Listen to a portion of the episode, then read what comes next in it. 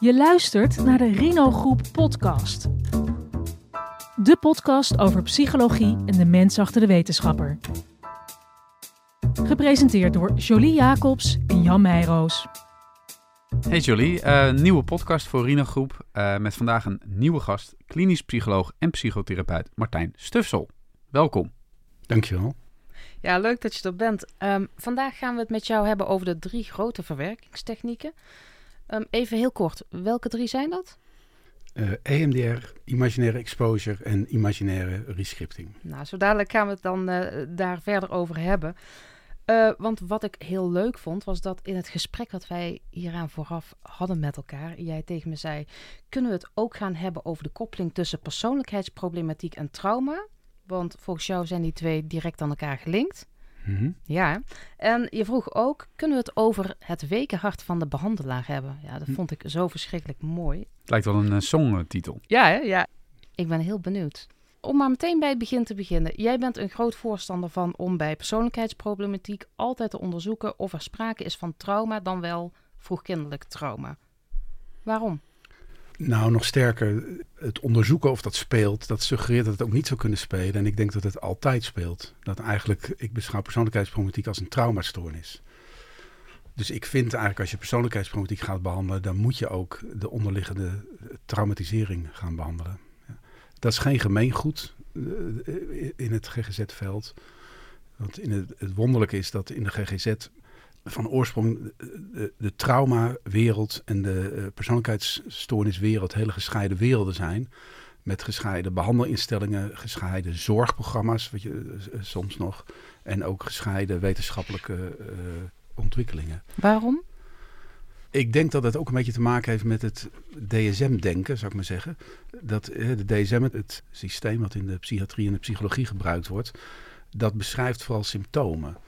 En op zich, ik moet er gelijktijd bij zeggen, ik denk dat het DSM-systeem wel het beste is wat mogelijk is. Uh, het mooie van het DSM-systeem is dat er een soort eenduidigheid is over de hele wereld, over allerlei termen. En dat was er vroeger niet. Maar het nadeel van het DSM-systeem is dat je in symptomen denkt en niet meer in oorzaken. En dat, is, dat heeft onder andere mee te maken dat de beschrijving van persoonlijkheidsstoornissen, zoals die nu in het DSM-systeem staat, die, die, beschrijft eigenlijk alleen maar symptomen, alleen maar gedragskenmerken. Dus, uh, en, dat, uh, en dat is wat ik coping noem, hè, hoe mensen mm-hmm. omgaan met zichzelf in de wereld. En ni zegt niks over de oorzaken. Het, wo het woord trauma, vroegkindelijke traumatisering, dat komt niet in de beschrijving van persoonlijkheidsstoornissen zoals het nu in het DSM-systeem staat voor. En dat vind ik gek, want vanuit mijn optiek en vanuit die van veel meer mensen uh, is vroegkindelijke traumatisering eigenlijk de oorzaak van het ontstaan van coping, wat we later persoonlijkheidsproblematiek kan worden. Kun jij een voorbeeld geven uit je praktijk? Nou, zeg maar iemand die door ouders ontzettend verwaarlozend wordt opgevoed. Hè? Dat er weinig aandacht voor het kind is. Dat een vader heel vaak heel snel straffend is. En, dan hebben we niet, en dat kan op allerlei manieren natuurlijk. Maar stel, laten we nu eens uitgaan van ernstige dingen als seksueel misbruik of mishandeling. Maar dat, voortdurend, dat er heel weinig ruimte voor het kind is. Het kind moet heel erg voegen naar de ouders dan krijgt dat kind een soort boodschap mee van die ouders. Van uh, ik moet me gedijst houden, ik, ik, word niet gewaardeerd in wie ik ben, ik moet me voegen naar mijn ouders. Dat kind leert eigenlijk binnen dat systeem van die ouders waar je in opgroeit om je terug te trekken, om, om weinig van jezelf te laten zien. Het is nou eenmaal zo dat hoe wij in de eerste 18 jaar van ons leven ongeveer, uh, de omstandigheden waar we dan in opgroeien, daar passen we ons op aan. Onze psychologische ontwikkeling wordt daardoor bepaald. En de manier van hoe we dan met onszelf in de wereld omgaan, dat is wat je coping noemt, die gebruiken we eigenlijk de rest van ons leven. En als die omstandigheden in je jeugd, hè, is, als zo'n zo een kind heel erg geleerd op zich heel gedijst te houden, heel weinig van zichzelf te laten zien, want dan krijgt het ruzie, dan wordt, dan wordt vader boos of moeder, of moeder die, die, die, die trekt zich terug. Dan gaat dat kind als volwassene ook zo om met zichzelf en de wereld. En dat, nou, dat zou je vermijdende persoonlijkheidsproblematiek uh, kunnen gaan noemen. En zo gaat het ook met relaties om. Het ingewikkelde van persoonlijkheidsproblematiek is eigenlijk dat het vaak coping is die in de jeugd, in de omstandigheden van de jeugd, die uh, heel functioneel was. En, uh, en dat het, het, het, het een beetje zure eigenlijk is dat vaak de omstandigheden op volwassen leeftijd beter zijn, gezonder zijn, maar dat iemand er nog steeds mee omgaat alsof het nog van die nare omstandigheden zijn. En dat schuurt. En dat is, ja, dat is eigenlijk wat we persoonlijkheidsproblematiek. Maar heb je dat als, als behandelaar meteen door dan? Of, wordt het niet een beetje verhuld dan op die manier als mensen binnenkomen met kopingsproblemen? Nou, een ander aspect van die koping is vaak dat mensen ook een beetje willen dingen in ieder geval willen verhullen, dat ze de, hun nare ervaringen willen verhullen. Dat is nog een ander aspect dat ook met bij die koping meespeelt ja, nou, wat je, kijk, wat je als behandelaar in de behandelkamer merkt, dan merk je zelf de, hoofdmoot van de vermijding merk je vaker dat mensen ontzettend vermijdend zijn of dat mensen hè, dat, dat, uh, dat ze heel moeilijk eh, praten over zichzelf, dat ze stil zijn, dat, uh, dat je heel erg moet uitnodigen. Of, dat, of wat ook kan, dat is ook een andere vorm van mij, dat ze misschien wel heel druk zijn, maar eigenlijk je voortdurend een beetje aan het pleasen zijn.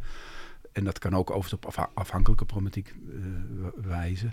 Wat je ook ziet is soms bijvoorbeeld narcistische problematiek, dat mensen heel erg uh, overtuigd zijn van zichzelf, heel weinig willen horen, eh, heel, weinig kritiek verdragen. Dat, dat, ja, dat merk je toch in enige mate in, in de behandelkamer. Maar je hoort het vooral ook als mensen over een probleem, uh, problemen vertellen, maar ze tegenaan lopen. Borderline problematiek, dat merk je. Dat is denk ik iets wat je ook wel in de behandelkamer merkt, maar wat je vooral ook uit de levensgeschiedenis haalt.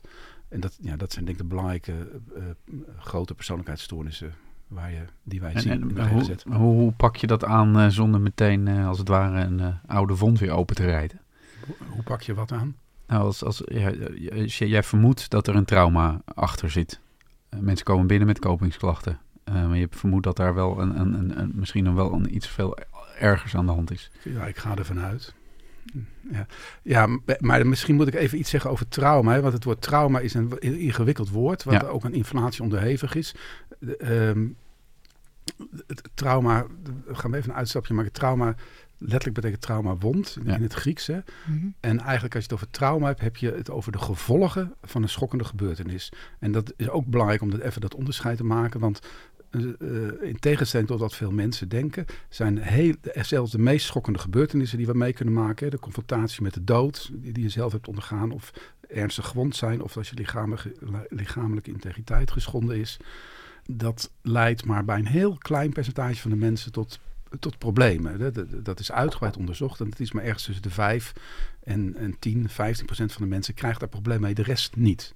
Dat is, dat is even belangrijk om te melden. Ik heb het nu vooral over volwassenen overigens. Maar zijn die mensen dan zelf in staat om daarmee om te gaan? Degene die daar dus geen last van hebben? Ja, ja de meeste mensen hebben een ongelooflijke veerkracht dat ze heel goed hele nare dingen kunnen gebeuren. Dus als er schokkende gebeurt, ernstig schokkende gebeurtenissen gebeuren, in tegenstelling wat je op het journaal ziet, hè, dan is er een bus ergens in een ravijn gereden en dan zie je op het journaal meteen al, er is al een psycholoog onderweg. Dat suggereert een beetje dat, men, dat er meteen behandeling moet plaatsvinden. Nou, er moet helemaal geen behandeling plaatsvinden. Eigenlijk moeten psychologen daar verre van blijven in het begin omdat de meeste, de meeste, we weten de meeste mensen zullen op eigen veerkracht kunnen herstellen van die hele naar gebeurtenis. Wat op, zich, op zichzelf een fijne constatering ja, is. Zeker, zeker. Ja. Die psycholoog gaat over waarom er wel, wel een psycholoog meegestuurd wordt, is vooral om voorlichting te geven op wat er kan gebeuren. Dat je nachtmerries krijgt, dat je schrikachtig bent, dat je vooral de, tijd, de komende tijd rustig aan moet doen, dat je herbelevingen kan krijgen. Daarom gaat er een psycholoog naartoe. Ja. Maar bij vroegkindelijke traumatisering is dat ook zo. En de term vroegkindelijke traumatisering dat, is ook een beetje ingewikkeld. Want de, uh, dat, je zou eigenlijk letterlijk beter kunnen zeggen vroegkindelijke schokkende gebeurtenissen. Maar dat is, dan ga ik, ik ga toch de term vroegkindelijke traumatisering gebruiken. Dan, dat, dat, dat zijn eigenlijk drie hoofdgroepen, namelijk seksueel misbruik, uh, lichamelijke mishandeling en affectieve verwaarlozing. En denk de meeste mensen met persoonlijkheidsproblematiek, daar speelt affectieve verwaarlozing een grote rol. En lichamelijke mishandeling en seksueel misbruik, dat voldoet eigenlijk aan de kenmerken van PTSS. Dus dan zullen men, kunnen mensen ook een PTSS hebben. En dat heeft iets te maken dat wij eigenlijk zeggen van PTSS kun je alleen maar oplopen als je iets heel ernstigs maakt met de dood, wat ik net een beetje opnoemde affectieve verwaarlozing voldoet meest eigenlijk bijna nooit aan de kenmerken van PTSS. Dus mensen krijgen daar geen PTSS van, terwijl ze er wel ernstige klachten van kunnen krijgen. En bij affectieve verwaarlozing moet je dus denken aan dat, men, dat ouders te weinig aandacht aan hun kind geven, dat ze veel te veel straffen, dat ze uh, hun, kind, hun kind niet goed eten geven, niet goed, goede kleren geven, of uh, niet naar ouderavonden gaan, niet naar het voetbalveld gaan, nou, enzovoort, al dat soort dingen. Uh, en dan niet eenmalig, dat is helemaal geen punt, maar vooral herhaaldelijk en langdurig. Structureel. Structureel. Dat leidt gewoon tot, dat leidt gewoon tot, tot wat we noemen affectieve verwaarlozing. En dat, dus als, dat zijn, ik vergelijk het altijd een beetje met een hele nare martelmethode. Uh, uh, is dat voor, bij volwassenen, zou ik maar zeggen, wat af en toe wat toegepast wordt, dat je mensen fixeert met hun hoofd op een stoel en dat je ze onder een druppende kraan zet en dat er uh, één druppel per 30 seconden op je hoofd valt. Nou, één druppel op je hoofd is echt, dat is voor niemand erg. Maar één druppel op je hoofd, terwijl je hoofd niet kan bewegen, gedurende drie uur, dat wordt elke druppel, druppel dat wordt een, een dreun op je hoofd. Nou, zo moet je affectieve verwaarlozing ook een beetje zien. Als je, als je vader bij het eten tegen jou zegt. eh, ja, Ik wou dat je nooit geboren werd. Was. Bijvoorbeeld, ja, als dat één keer gezegd wordt, is dat echt geen probleem. En misschien tien keer ook nog niet over tien jaar. Maar als dat gewoon elke dag gezet, tegen je gezegd wordt en, dan, en dat tien jaar lang, dan, dan gaat dat wat met iemand doen. Ja. En dat kan, en dat is ook echt niet altijd zo, maar dat kan dus later tot eh, persoonlijkheidsproblematiek leiden. Ja, en als ik dan heel even terugkom op, eh, volgens mij was dat Jans vraag net, van nou, je, er komt dus iemand binnen met persoonlijkheidsproblematiek. Jij stelt vast, daar ligt een trauma aan ten grondslag. Ze komen in principe voor die kopingsklachten. Ja. Hoe weet je nou dat je niet de korst van een wond aan het afkrabben bent? Kijk, die wond die kan misschien ook al uit zichzelf helen. Als mensen met persoonlijkheidsproblematiek komen, of je stelt het vast, of mensen worden daarmee aangemeld, dan wat je altijd gaat doen, is een uitgebreide, uitgebreide diagnostiek. En in het kader van die diagnostiek vraag je ook naar de levensgeschiedenis van mensen. En uit die levensgeschiedenis van die mensen wordt wel duidelijk of daar vroegkindelijke traumatisering speelt. Nou, bij persoonlijkheidsstoornissen is dat per definitie zo goed als altijd eh, het geval. En dan kunnen er twee dingen aan de hand zijn. Of mensen hebben dat eigenlijk al verwerkt, daar hoeft niet zo, of, eh, Ja. of daar hoeft helemaal niet zoveel, hoeft niet meer zo heel veel mee. Of dat is nog niet verwerkt. En dan is dat goed om dat in je behandelplan mee te nemen. En dan, en dan kan het heel goed zijn dat mensen dingen. meestal hebben die nare ervaringen hebben mensen weggedrukt. Hè. Je, wilt, je wilt liever niet bij nare ervaringen, die wil je niet dat die al te snel boven komen. Natuurlijk, daar zit een soort van korstje op. Maar als het niet verwerkt is, is dat een heel dun korstje. En is het heel snel weer geraakt. En dan ga je dat wel uitleggen aan mensen. En dan wat je uitlegt aan mensen in de behandeling is dat als mensen dus last hebben van gedragsproblemen, de, wat dus eigenlijk coping is, dat daar de oorzaak daarvan is dat hun ouders eh, in de opvoeding het niet zo goed gedaan hebben, zou ik maar zeggen, ho- hoe dan ook.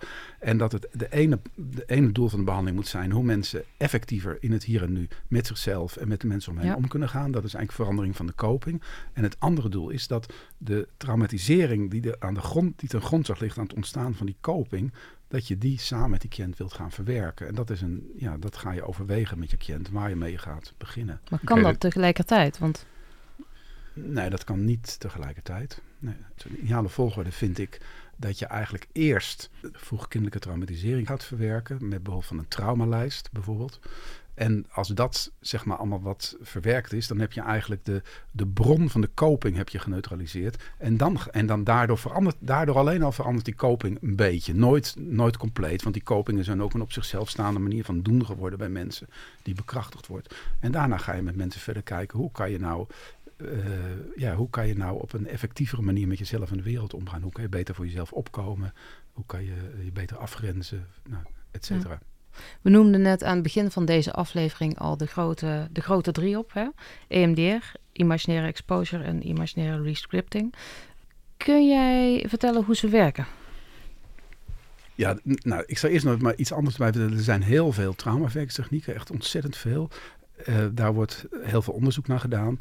En uit al die onderzoeken komt, komen eigenlijk, wat mij betreft, deze drie technieken naar, naar voren als het meest effectief. Eh, Er zijn nog een aantal andere technieken, maar dat zijn vaak toch combinatietechnieken. Maar, dus ik vind dit de, de, de, de meest eh, oorspronkelijke drie technieken. Eh, daarvan is imaginaire exposure de meest eh, oude techniek.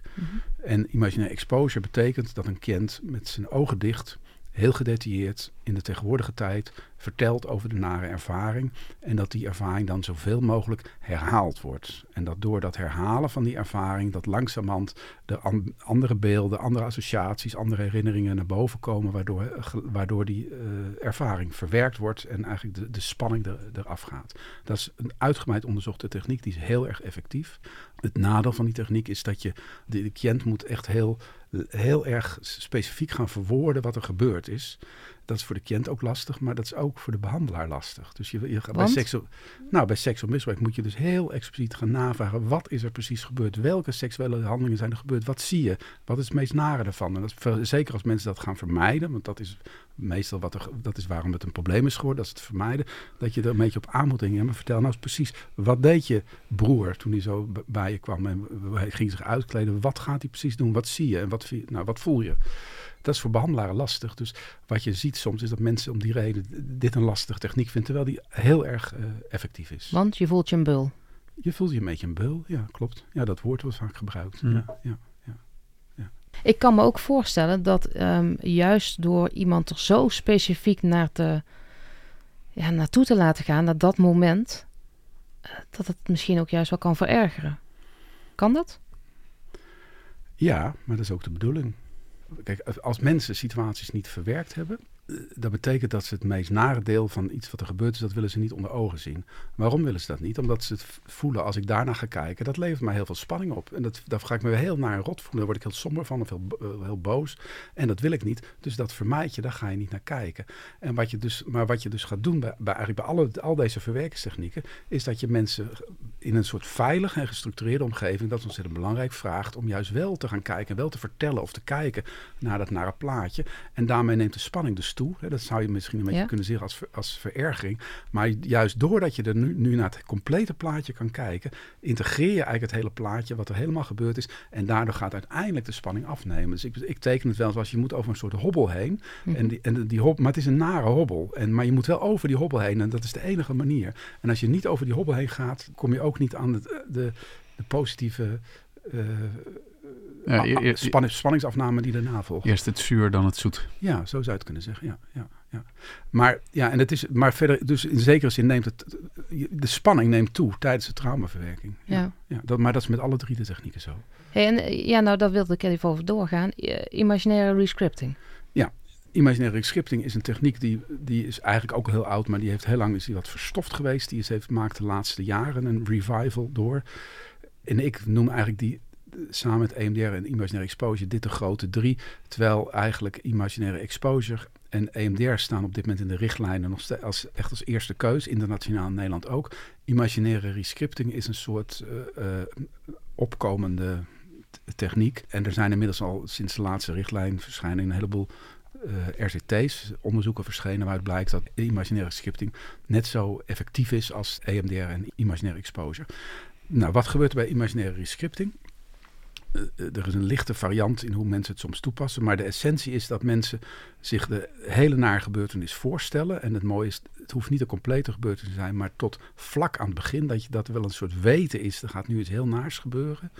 En dan, dan wordt er ingegrepen. En dat kan op twee manieren. Dat, de, de, de mooiste manier is dat de cliënt als volwassene. Want het, eh, eh, vro- imaginaire scripting is vooral heel goed toepasbaar bij, bij vroegkindelijke traumatisering. Minder goed bij nare dingen die korter geleden zijn gebeurd. Maar zeker bij vroegkindelijke traumatisering. De cliënt komt als volwassene in het beeld erbij. En gaat dan eh, handelen om eigenlijk recht te zetten wat er fout was in die situatie. Om een soort rechtvaardiging achteraf te krijgen. Dat is ook een beetje gek, om dat zo te zeggen. En dat geeft vaak een enorme opluchting bij mensen. Dat er eindelijk gezegd wordt of gedaan wordt wat je ergens altijd wel gevoeld hebt. Terwijl het niet echt realistisch is, want Nee, het is het nooit gebeurd. Het is nooit gebeurd. Het is nooit gebeurd, maar het, het, wat er wel het realistische aan is, dat het wel is. Je, je geeft eigenlijk in, in, imaginair, geef je, m- maak je beelden bij wat je eigenlijk vindt, wat je wel gevoeld hebt. Hey, dit klopte niet. Hè, ik had niet seksueel misbruikt mogen worden door mijn oom. En dat, je, en dat die oom nu op zijn flikken krijgt, bij wijze van spreken. Idealiter grijpt de kind als volwassene in, in dat beeld. Maar heel vaak, als het over vroegkindelijke traumatisering gaat, is er zo'n enorme loyaliteit van kinderen naar hun ouders toe of, eh, of kinderen naar familieleden toe. De meeste seksueel misbruik gebeurt binnen intieme relaties, eh, met, ouders, met, mensen aan wie je loyaliteit voelt. Daarom kan het ook juist. Daar kunnen kinderen zich minder goed van afgrenzen. Maar dan kunnen ze ook minder goed. eh, Daar, als je dan zeg maar die beelden erover krijgt, vallen ze vaak weer terug in die oude loyaliteit. Kunnen ze eigenlijk niet goed optreden. Dus het, wat je ook kan doen als dat niet goed lukt, als een kind het zelf niet als, als volwassene in dat beeld erbij kan komen, dan ga je als behandelaar in het beeld erbij en spreek je eh, die, ja, daders toe en, en, en, en, zeg je als behandelaar wat er gebeurd is. Dat is eigenlijk de tweede fase. En dan in de derde fase eh, gaat het kind, vanuit het kindperspectief, vertelt hij nog een keer wat er, wat er allemaal gebeurd is. Is een ontzettend effectieve techniek. Toch staan die twee minder in de belangstelling dan bijvoorbeeld een EMDR. Wat, Precies. Ja, EMDR is ook een ontzettend goede techniek. Daar is heel erg, daar is het meeste, allermeeste onderzoek naar gedaan. Een zeer effectieve techniek. Maar EMDR vind ik een soort Haarlemmer olie geworden. Haarlemmer olie was een middeleeuws middeltje wat eh, tegen alle kwalen hielp. Nou, dat kan niet. Nou, dat, zo is het met EMDR. Heeft ook een beetje die status gekregen. Eh EMDR is echt een effectieve behandelmethode als mensen last hebben van nare beelden. Maar ja, EMDR heeft gewoon zijn naam mee. Dus iedereen eh, doet EMDR. Dus het lijkt. En je wij, ik denk heel veel behandelaren krijgen mensen die zeggen: Ja, ik wil EMDR. Omdat, ja, dat hebben ze Ja. uit de media geplukt of via de huisarts of iets dergelijks. Terwijl de EMDR niet altijd de goede behandeltechniek is. Eh, Kan ik hieruit opmaken dat jij meer voorkeur hebt voor die andere twee? Of hangt het echt van de Nee, situatie? ik of vind vind je, het- het eh, hangt- schaal je ze alle drie even goed Ik- in? Ja, het hangt, van, het hangt van de situatie af. En ik vind idealiter, een be- behandelaar die veel met eh, trauma werken, vind ik eigenlijk dat ze idealiter alle drie die behandeltechnieken tot hun beschikking zouden moeten hebben. Of in een team moeten werken waar die behandeltechnieken tot hun beschikking zijn. Maar om de verschillen aan, zal ik die verschillen aangeven, heel kort. ja? Is dat, is, kijk, EMDR is buiten kijf bij een hele hoge spanning. Is EMDR buiten kijf de meest eh, aangewezen techniek. Het probleem bij EMDR is, zou je kunnen zeggen, bij, dat zijn eigenlijk twee problemen die ik zie. EMDR maakt gebruik van vrije associatie. Een kind moet naar het nare beeld kijken. Terwijl je als behandelaar niet goed weet of die wel precies naar het nare beeld kijkt. Nou, de mensen die heel erg vermijden, die kunnen dan gaan vermijden. Terwijl je daar niet goed grip op hebt. Dat weet je niet goed. Dat is het ene probleem. Het andere probleem bij EMDR is dat je ervan uitgaat dat tijdens de EMDR-procedure, dan mensen krijgen associaties over het nare beeld, krijgen andere, stu- gaan andere stukjes van het beeld zien, dan, dat dan op een gegeven moment ook gezonde volwassenen, zo noem ik dat maar, gezonde volwassen associaties komen. En met name, wat ik net zei, bij vroegkindelijke traumatisering, als mensen zo in die loyaliteit naar die daders vastzitten, dan komen die niet. En dan, nou, dan, dan is het lastig met EMDR. Imaginaire exposure. Het voordeel van imaginaire exposure is dat mensen moeten vertellen, heel gedetailleerd vertellen wat er precies gebeurd is. Dan is vermijden veel moeilijker. Dus als sprake is van veel vermijding, vind ik het vaak logischer om op imaginaire exposure over te stappen. Maar ook bij imaginaire exposure moet er, eh, op een gegeven moment moeten, moeten er gezonde volwassen associaties gaan komen. En, eh, ja, en ook als, nou, dezelfde reden, als de loyaliteit te groot is, ge- gebeurt dat niet. En met name in die situaties, als er te weinig gezonde volwassen associaties mogelijk zijn, en dat is vooral bij vroegkindelijke traumatisering het geval, dan is imaginaire rescripting een hele goede, eh, ja, vind ik echt een heel, hele goede techniek. Ehm, ik weet dat jij eh, eh, ook veel oorlogsslachtoffers behandeld hebt. En nog steeds behandeld of niet? Nou, nu, ik heb nu een eigen, ik heb heel lang bij het Sinai Centrum gewerkt, daar heb ik veel oorlogsslachtoffers behandeld, ja. Ja. En nu is dat incidenteel nog. ja. Ja. En welke techniek gebruik je voor die oorlogsslachtoffers? Nou, als het bij oorlogsslachtoffers gaat om hele heftige beelden, Ja. hè, dat, dat ze eh, in een voertuig rijden en eh, Op een landmijn rijden en hun, Op een landmijn- eh, half een squat eh wordt je uit elkaar Ja, dat zijn vreselijke beelden. Dus met EMDR is dan gewoon de meest aangewezen techniek. zijn hele nare beelden, ga je, dat is EMDR. Ja. Tenzij mensen gaan vermijden, dan zou je weer kunnen overstappen op imaginaire exposure. Oké. En stel nou, je hebt een patiënt eh, met comorbiditeit. Je moet dus meerdere trauma's gaan behandelen. Eh, waar begin je dan? Eh, nou, wat ik doe eigenlijk, is dat ik vrij snel in de behandeling, eh, na het maken van een casusconceptualisatie of holistische theorie, en er speelt vroegkindelijke traumatisering, dan ga ik een traumalijst maken. En een traumalijst is maar eigenlijk dat je vraagt aan de cliënt, ja, wat voor, van wat voor ervaringen die er in je leven gebeurd zijn, heb je nog last? En dan krijg je een lijst. En hoe ik het doe is dat ik, nou, ik vraag dan eh dat ik een soort opsomming. En dan zeg ik daarbij, ik wil dat je maar één woord of één zin per gebeurtenis zegt. Dus geen uitweidingen. Dat maakt het veel makkelijker voor de cliënt. En dat heeft als een soort impliciete bijkomstigheid. Dat je daarmee ook de cliënt leert praten over lastige dingen. Zonder dat je meteen allemaal details hoeft te vertellen. Ik invent- inventariseer dan eerst wat er al nare ervaringen zijn. En dat kunnen hele specifieke ervaringen zijn. Hè. Bijvoorbeeld een verkrachting toen je iemand 12 was. Maar dat kunnen ook meer thema's zijn. Bijvoorbeeld eh, vader die altijd eh, lichamelijk heel hard strafte. eh, Van, van je twaalfde tot je achttiende, nou, noem maar wat. Nou, zo krijg je een hele lijst. En vervolgens ga ik nog een keer, noem ik, ik schrijf dat op. En daarna ga ik die lijst nog een keer door samen met de cliënt. En dan gebruik ik de woorden van de cliënt. En dan zeg ik, goh, hè, dat thema dat je vader zo je lichamelijk strafte van je, twa- wat zei ik, van je 12 tot je 18e. ehm, hoeveel spanning geeft dat op dit moment? Dan wil je een, een SUT noemen we dat, Mhm. een Subjective Unit of Disturbance. Eh, een rapportcijfer zou ik maar zeggen, daar, daar vraag ik naar. En op die manier krijg je een soort volgorde in die lijst. En met, met, er staat op één wat het meest naar is en onderaan wat het minst naar is. En vervolgens ga je die lijst eigenlijk afwerken met je cliënt. Nee, die, je behandelt dus niet alles tegelijkertijd. Je Nee, gaat echt een lijstje afwerken van Ja. het meest vreselijke Ja. naar Ja. dat als- zeg maar wat laag Ja, maar en, en ik kom even, komt dat ook vaak voor dat mensen meerdere trauma's tegelijk... Nou, ik zou zeggen dat komt bijna altijd voor. Ja. Dus eh, ja, men- mensen komt- met persoonlijkheidsvermoeidheid speelt al, dat spelen altijd meervoudige traumatiseringen. Eh, meervoudig en of langdurig. Ja. En, en stel nou een techniek werkt niet, is het makkelijk om van de ene, eh, hè, we hebben het over deze drie grote verwerkingstechnieken, is het makkelijk om over te stappen tussen die verschillende technieken? Ja. Ja, ik vind dat je dat heel. Dat ik, waar ik een ontzettend een voorstander van ben, is dat je eigenlijk je goed moet bekwamen in die verschillende technieken. In eerste instantie dat je goed die techniek moet kennen en dan een beetje rigide die techniek moet leren toepassen. Mhm. Zo, om vervolgens er zo flexibel mogelijk mee om te gaan. En dan vind ik dat er ook bij hoort dat je makkelijk kan overstappen. Nou, ik, ik moet aan een voorbeeld denken. Ik heb ooit een jongen behandeld. Die had een heel naar ongeluk meegemaakt. Waarbij twee van zijn vrienden, waren met z'n vier een gezellig uitje, twee van zijn vrienden dood. En eh, die had heel, hele hoge verwachtingen van, van, eh, van EMDR. Dus wij gingen EMDR doen. En er gebeurde maar niks. Er gebeurde, daar, hij, nou, hij had, hem, had hem uitgelegd. En nou, voel je spanning? Ja, ik zie, ja, nou, hij voelde eigenlijk geen spanning. Hij zag het beeld wel, maar hij voelde eigenlijk helemaal geen spanning. En eh, toen... Het was een vermijder. Ja, ik, vul het in. Ja, maar precies, dat was een vorm van vermijding. Ja. En uiteindelijk ben ik toen staande dus de sessie, eh, halverwege de sessie, ben ik gewoon overgegaan op imaginaire exposure. En, hebben, we de, zijn, en, en toen kon die, ja, dat duurde ook nog een hele tijd, maar toen kon die in één keer wel heel... maar tijdens dezelfde sessie. ja, tijdens dezelfde sessie. Ja. En het grappige daarvan was, eh, ik weet wel dat we toen, ik denk dat ik zeg maar een half uur, na een half uur constateerde ik eigenlijk, nou dat werkt niet met EMDR, er gebeurt eigenlijk niks, er komt geen spanning op. Zijn we met die ima- imaginaire exposure eh, overgestapt en daar zijn we denk ik drie kwartier mee bezig geweest. Dus we waren, hadden we nog een kwartier over, of denk ik. Zeg, ja. En toen waren we er klaar. Dat was eh, nou, best wel goed gegaan. En je ziet soms, trauma heeft vaak ook te maken met zo'n verdichting in tijd.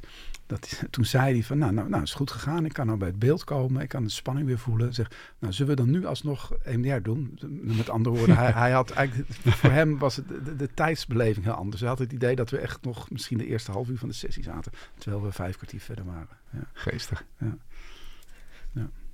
We hadden het eh, straks even over ehm, dat het soms lastig is voor een behandelaar om eh, bijvoorbeeld aan eh, imaginaire exposure te beginnen.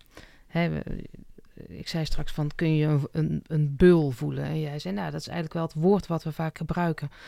Ehm, en aan het begin van deze eh, aflevering hadden we het al over het weken hart van de behandelaar. Ja. Hoe week is dat hart van die behandelaar? Nou, ik zeg altijd van eh, elke behandelaar die met ingewikkelde problematiek, eh, ik gebruik vaak het woord complexe problematiek, daar bedoel ik eigenlijk ook alle persoonlijkheidsstoornissen mee. Mhm. Iedereen die, maar ook meervoudige traumatisering, eh, iedereen die met, met complexe problematiek werkt, die eh, valt met enige regelmaat in de valkuil van het, wat ik noem het weken hart. Nou, wat is dan dat weken hart? Nou, wat ik altijd zeg is dat het, eh, als behandelaar wil je cliënten behandelen, dan moet je eigenlijk, wat versimplificeerd, aan twee voorwaarden voldoen. Je moet enerzijds mededogen met je eh, cliënt hebben, hè, met hem mee kunnen voelen. En, het, hè, en ook als er mensen moordenaars zijn in de forensische, eh, forensische GGZ. Dat krijg je meestal doordat je de voorgeschiedenis weet van mensen. Dat je dan, dan, dan, dan kijk je verder dan het delict. Eh, maar goed, dat je mededogen met je cliënt hebt. Anderzijds moet je ook een soort professionele distantie hebben. En want dat mededogen met je cliënt, dat heeft, dat heeft de buurvrouw ook. Daarvoor kan je ook naar de buurvrouw. Maar je moet ook een soort professionele distantie hebben. Dus dat betekent dat je, eh, dat je met wat afstand kan kijken, dat je afstand voelt, dat je eh, erover kan mentaliseren als behandelaar. Dat je, eh, maar dat je ook technieken toe in kunt zetten en dat je ook confrontaties met je cliënt aan kunt gaan. En nou, dan kan je een goede behandeling doen. Maar wat nou ingewikkeld is bij mensen met com- eh, complexe problematiek, is dat daar de comorbiditeit, en dat gebruik ik net iets anders dan jij net gebruikte, comorbiditeit betekent vaak dat je juist veel last hebt van heel veel andere problematiek. Ook dep- depressie of eh, angststoornissen of, of eet, eetstoornissen zie je ook nog wel eens bij, bij ernstige seksuele trauma's. Ehm, eh, als dat nou, hè, maar ook heel veel praktische problemen. Dat, dat mensen met, met veel mensen met persoonlijkheidsproblematiek, zeker uit het B, wat noemen het B-cluster, narcistische problematiek, vooral borderline problematiek, die hebben vaak heel veel problemen met alle mensen in de omgeving. Die, en nou, dan, heb, ben je met iemand, heb je een mooie lijst gemaakt, een traumelijst gemaakt. Dan ga je een plan mee maken om dat te gaan verwerken. En dan komt de cliënt van ja, mijn man heeft net gisteren gezegd dat, ik, dat hij van me wil scheiden. En dan staat het leven van iemand natuurlijk helemaal op zijn kop. En, en nou, dan is het ingewikkelde voor een behandelaar van wat ga ik nou doen? Want, want dan gaat daar alle aandacht naar uit en eigenlijk niet meer naar die traumaverwerking wat je wil. Eh, en wat moet je dan doen? Dus eigenlijk, eh, dan, eigenlijk wat ik dan wil zeggen, dan ben je eigenlijk een beetje op professioneel niveau raak je een beetje uitgespeeld. Omdat de, de, praktische problemen overheersen. Eh, en het gaat eigenlijk slechter met die cliënt. Doordat hij ook nog al die, hij heeft al die problemen. En, maar dan heeft hij nou ook nog allerlei praktische problemen. En je had al mededogen met je cliënt. Dus maar heeft nu, met die cliënt gaat het nog slechter. Dus je mededogen neemt toe. En je professionele distantie neemt af. Nou, in, da, in, in, in die dynamiek. En dat gebeurt met, echt met grote regelmaat bij veel cliënten. eh, moet je eigenlijk op een gegeven moment daar een soort consequenties aan verbinden. Dan moet je gaan denken van nou, we gaan of eh, de behandeling wat minder intensief maken. Of ik stel vast dat we eigenlijk niet meer kunnen doen wat we eigenlijk wilden. Hè, veranderingsgericht behandelen. Dat er bijvoorbeeld een lichtere vorm van behandeling plaats zou moeten vinden. Dat zou eigenlijk zou op zijn plaats zijn. Maar wat je ziet is dat behandelaren dat vanuit het wekenhart dus niet doen. Je hebt meelijden met de cliënt, dus je begaat gewoon door. Je, je langzaam glij je een beetje in dat je... En heel langzaam verandert zo'n contact. En in plaats van een op verandering gerichte behandeling... waar je met die trauma's aan de gang gaat... verandert het in een soort begeleidend contact. En de cliënt elke week komt en vertelt hoe rot het is... en hoe naar die Dus man je, je, je, je verzandt eigenlijk in een soort luisterend oor. eh, je bent een beetje aan het aanmodderen. Precies, ja. En daar help je uiteindelijk die cliënt helemaal niet mee als behandelaar. Nou, ik denk dat je misschien... Korte termijn misschien, maar... dat je die cliënt waarschijnlijk het best nog wel mee helpt. Maar, de, maar, maar op de korte termijn help je die cliënt er zeker mee. Maar geleidelijk aan ja, ga je niet meer naar de grote dingen toe. En het kan ontzettend lang duren. En je bent niet meer, ja, bent niet meer je bent een begeleidend contact geworden. Nou, En nou, daar moet je dus eigenlijk consequenties aan verbinden. Maar dat is wat heel lastig is voor alle behandelaren. Dat noem ik het weken hart. En wat je heel, vaak heel vaak ziet, is dat mensen dat dan. Ik heb ook dat, ik heb dat ook. Ik heb met enige regelmaat. En je hebt daar echt collega's voor nodig die dat bij je moeten zien. Je hebt vaak in een collega, dan, moet, dan vertel je een behandeling over het verloop van die cliënt. En jij zit vol mededogen over die cliënt. Dus, en dan gaan collega's zeggen: Ja, maar weet je, je- wat is er nou gebeurd afgelopen jaar? Je bent alleen maar met die scheiding bezig. Helemaal niet. En dan, zeg, dan, dan, denk, je, dan denk je als behandelaar ook nog: Ja, hallo, jij weet niet hoe moeilijk die mevrouw het heeft. Hou, hou nou je mond of zo. Of je denkt, stik, hij heeft gelijk. Precies. Nee, maar dat stik, dat denk je pas later. Dat voelt, dat voel je. En, en, en ja, dat, dat is echt lastig. Nou, dan ben ik een beetje gemeen. En, en dan denk ik, er zijn natuurlijk ook cliënten die, eh, die behandeling, eh, vol, een, een behandeling bij jou volgen. Maar die ook het lastig vinden. En die, die, die gebruiken misschien ook wel die praktische eh, problemen als afleidingsmanoeuvre. ja, nee, dat kan. Eh, om het maar toch maar niet vooral over dat trauma te hebben. En die beginnen opeens van ja, ik word mijn huis uitgezet en eh, de huur is omhoog en ik, ik had ruzie. En, en, Ja. en, Of ze hebben eetstoornissen terwijl ze eigenlijk een trauma hebben. Maar dat, dat kan voorkomen. Nou, dat gebeurt va- vaak. Of- Dus daar moet je wel alert op zijn als ja, behandelaar. nee, dan moet je echt goed. Ja. En dus die professionele distantie Ja, eh, ja, goed hebben. ja, Nou, hoe, hoe zorg je er dan voor dat die wel in balans blijven? Door te praten met collega's of... Nou, in de eerste plaats zorg je ervoor dat je goede diagnostiek moet doen en dat je goede behandeldoelen moet stellen. Mhm. Dat je goede behandeldoelen moet stellen. eh, en dat je ook die behandeldoelen regelmatig moet evalueren samen met je cliënt. Want dan kom je samen met je cliënt eh, daarachter. Maar jij, jij, zei, net, eh, het gebeurt mij ook regelmatig. Is het bij jou ook wel echt een keer uit de bocht geschoten? Ja, ja. Ja, uit de bocht geschoten in, in zover dat ik heb ook één met één cliënt een situatie gehad. Dat is een beetje, het sluit een beetje aan bij wat je net zei. Die cliënt had allerlei problemen. eh, en met eh, ook vroegkindertraumatisering, seksueel misbruik. Echt een imponerende lijst problemen. Anorexia speelde een rol mee. Was, was depressief. En wij hadden echt een heel mooi mm, ronkend behandelplan, vond ik. Dat we aan al die dingen gewerkt. En we waren eh, hartstikke goed aan het werk. Deden allerlei dingen. En ik denk na anderhalf jaar, denk ik, ging ik toch eens evalueren. En toen realiseerde ik me langzaam, er is eigenlijk niks veranderd met die vrouw. Dus alle klachten zijn precies hetzelfde. Terwijl we heel hard, en dan, langzamerhand merk je, en dat is nog een ander aspect dat ook een beetje bij het weken hart meespeelt. Dat is eigenlijk het, dat eigenlijk behandeling soms een ander doel heeft voor de cliënt dan voor de behandelaar. En dat doet een cliënt niet bewust. Dat, ja, cliënt, in principe kan een cliënt het nooit fout doen gevolg van vroegkindelijke traumatisering is dat mensen weinig vertrouwen in zichzelf en de wereld hebben. En dat wordt met een ingewikkeld woord in de MBT, Mentalization-Based Treatment, wel genoemd. Uh, epistemisch vertrouwen. Dat is een soort bazaal vertrouwen in jezelf en, en, en de, de wereld en de mensen om je heen, waardoor je goed kan functioneren. Mensen die heel veel vroegkindelijk traumatisering meegemaakt, die hebben vaak een wat beperkter epistemisch vertrouwen. En die hebben eigenlijk iemand anders nodig om op te leunen, om goed te kunnen functioneren. Dus je helpt hun eigenlijk niet met te veel mededoog daarmee? Nee, en die mensen die hebben dan of een partner nodig die dat epistemische gat vult, of soms de hulpverlener. Dan wordt die hulpverlener gaat die rol vervullen. En als je dan constateert, hé, hey, eh, mhm. we zijn eigenlijk alleen maar een beetje bezig met pappen en nat houden, alleen in een mom van dat we heel hard aan het werk zijn, maar er gebeurt eigenlijk niks. Dan moet ga, en je gaat daar wat van zeggen. Dan voor die cliënt is dat heel rot, want die, die, die, die, heeft jou een soort uh, ja, ondersteunende rol eigenlijk toegedeeld, onder een andere mom. En dan krijg je glazen en gedoe van als je dat gaat problematiseren. Nee, dus eigenlijk, als ik hem even heel plat sla, is het een beetje zachte heelmeesters. Ja, je moet, soms moet je echt bij, zeker als bij van die langdurige contacten waar geen ontwikkeling meer is, daar moet je echt confronterend zijn. En dat is ook voor behandelaar helemaal niet leuk. En nee, dat is ook een, niet. een beetje een weekhard, een ander soort weekhard, dat je eigenlijk bang bent voor boosheid. Kijk, uiteindelijk, psychologen zijn over het algemeen natuurlijk toch een soort veredelde watjes, zeg maar zeggen, die heel goed geleerd hebben heel vriendelijk te zijn. Daarom heb je dat vak gekozen. En dat, dan moet je in één keer boos zijn. Dat vind je toch... Uh, is lastig. Dat is lastig. Nou ja, dat is, uh, zolang je daar beducht voor bent en weet waar je triggers zitten en waar je op moet letten. en genoeg ja, professionele sidekicks hebt die jou er af en toe wijzen, is het natuurlijk goed, is het goed te doen. Ja, en, daar heb je en daar heb je collega's voor nodig, ja, inderdaad. ja.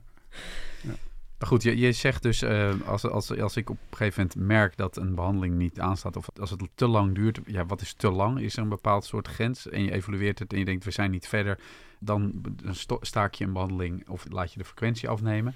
Ja, of je gaat of de frequentie afnemen of je, je, gaat het, het je probeert het een ander iemand, hè, als het meer ondersteunend van aard geworden is. Dat vind ik, dat hoort in principe niet bij een psycholoog thuis. Dat je heb, je, heb je voor jezelf daar een, eh, wat zijn er protocollen voor? Van eh, om de zoveel maanden of om het half jaar of zoveel dan en dan doe je zo'n evaluatie? Of? Nou, ik denk dat je om het half jaar eigenlijk altijd alle behandelingen wel moet evalueren. Ja. ja. Wat zou nou jouw uh, ultieme tip zijn voor andere behandelaars met een week hart? Nou, dat het ook soms goed is om een beetje in wat transdiagnostische termen te denken. Dus over los van dat, dat vaak een behandeldoel niet hoeft te zijn. Je moet van de depressie af, van, van de persoonlijkheidsstoornis af, van het trauma af. Maar dat eigenlijk een behandeldoel moet zijn dat cliënten weer regie over hun eigen leven uh, kunnen voelen. En dat dat eigenlijk uiteindelijk is waar je aan moet, uh, moet gaan werken. En, en, dat je, en, en dat je en dat betekent in de praktijk eigenlijk dat je mensen moeten leren zichzelf te accepteren zoals ze zijn. Dat ze ook hun geschiedenis moeten leren accepteren, wat vaak ook traumaverwerking betekent. En dat je eigenlijk moet gaan kijken, wat zijn nou de blokkades waardoor dat niet lukt? En daar kunnen kan, daar kan depressie een rol spelen, persoonlijkheidsproblematiek, trauma. Eh, dat moet je dan wel gaan behandelen. Maar het ligt van uiteindelijk regie voeren over je eigen leven. En dat eigenlijk een behandeling dan erop gericht moet zijn om die doelen na te streven. En dat je het regelmatig moet evalueren. En dat er ook er moet verandering zijn. Er, er moet verbetering plaatsvinden. Of, of verslechtering mag ook, maar er moet in ieder geval veranderen. Maar daarna moet het, dat, het, dat het daarna gaat. Ja. Maar er moet verandering zijn. En daar moet je regelmatig voor evalueren. Ja. Of regelmatig ook een romlijstje afnemen, waardoor je ook op een, een verandering op moet zien. Dat vind ik de ene tip. De andere tip vind ik ook, om, om misschien ook weer een beetje, want ik, kijk, het zijn natuurlijk allemaal mooi wat ik allemaal zo zeg. Dat is, dat is ook, maar uiteindelijk vind ik het behandelen van, van ingewikkelde problematiek, complexe problematiek, is uiteindelijk ook een vorm van gestructureerd prutsen. En wat dat, klinkt als een contradictio in terminis. Ja, en wat ik daar een beetje mee bedoel, is dat je denk ik wel degelijk uh, over allerlei kennis moet hebben over het toepassen van allerlei technieken van, van, diagnostiek en hoe je dat moet doen en wanneer je dat moet doen. En, en dat je een, een plan moet opstellen, een structuur in de behandeling moet zijn. Maar dat de realiteit is van veel van die ingewikkelde mensen dat het rommelig gaat. Dat, dat er gedoe is. En dat je af en toe en dat je daar en dat je in die zin af en toe ook een beetje aan het prutsen bent. En dan is dit probeert, dan is dat probeert. Maar als je maar in je achterhoofd ook een, een plan en structuur hebt. Dit was de Rino Groep podcast met Martijn Stufsel. Martijn, bedankt. Graag gedaan. We hebben het gehad over de koppeling tussen persoonlijkheidsproblematiek en trauma, de drie grote verwerkingstechnieken en het wekenhart van de behandelaar. Al onze afleveringen zijn overigens online te vinden. Wil je meer weten over EMDR of VSDT? Luister dan eens naar de aflevering met Suzy Matthijssen. Alle afleveringen van de Rino Groep podcast zijn te vinden op onze website. Dat is rinogroep.nl slash podcast. Je kunt je ook abonneren op de Rino Groep podcast. Dat doe je via jouw favoriete streamingdienst. Voor nu bedankt voor het luisteren en tot de volgende aflevering. Leuk dat je luisterde naar de Rino Groep podcast. Wil je meer informatie over de Rino Groep? Bekijk onze website rinogroep.nl.